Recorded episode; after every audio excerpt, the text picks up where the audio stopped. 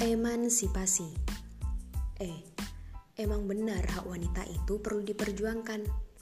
Man, manakala ia tertindas dalam berbagai keadaan. Si, sikap diam tak lagi boleh diperankan ya. Pa, pastinya harus mulai pergerakan kita. Si, siapa lagi kalau bukan kita, wahai para perempuan? Wanita sebagai makhluk yang dimuliakan Sang Pencipta hadir bukan tanpa sebab yang cuma-cuma loh. Karakteristik yang hinggap dalam dirinya menjadikannya memiliki peran yang luar biasa. Namun sayang, tak banyak yang menyadarinya, bahkan sering kali salah dalam penerapannya. Ya, wanita yang telah ditakdirkan untuk selalu berperasaan menciptakan emosional yang cenderung dominan. Dan dalam hal ini, mereka akan selalu merasa kebingungan karena bahkan sikap ini sering bermunculan dalam berbagai kejadian. Mirisnya, banyak wanita yang tenggelam dalam emosi lautan, sampai bahkan mereka lupa bahwa mereka memiliki rasionalitas daratan. Jika demikian akan selalu terrealisasi, tahukah kalian apa yang akan terjadi?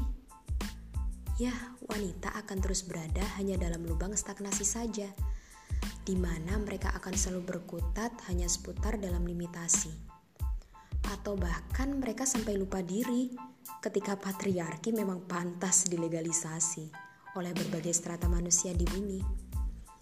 Ya, terus kita sebagai wanita, bagaimana kita harus bereformasi? Mari kita merancang strategi.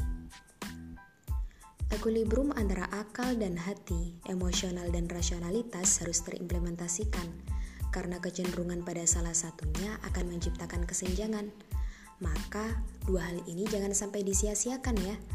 Emosi yang dominan harus terus dikendalikan dengan rasionalitas yang juga dianugerahkan. Ketika keduanya berhasil direalisasikan, maka beruntunglah kita wahai para perempuan karena masalah kita terselesaikan. Sehingga aku, kamu, dan kita semua tetap bisa berdiri di garda terdepan tanpa melupakan fitrah yang telah diberikan. Dan saat ini, dan untuk masa depan nantinya, mari kita bersama berkontribusi menciptakan generasi unggul di masa depan. Aku wanita dan aku siap berkontribusi.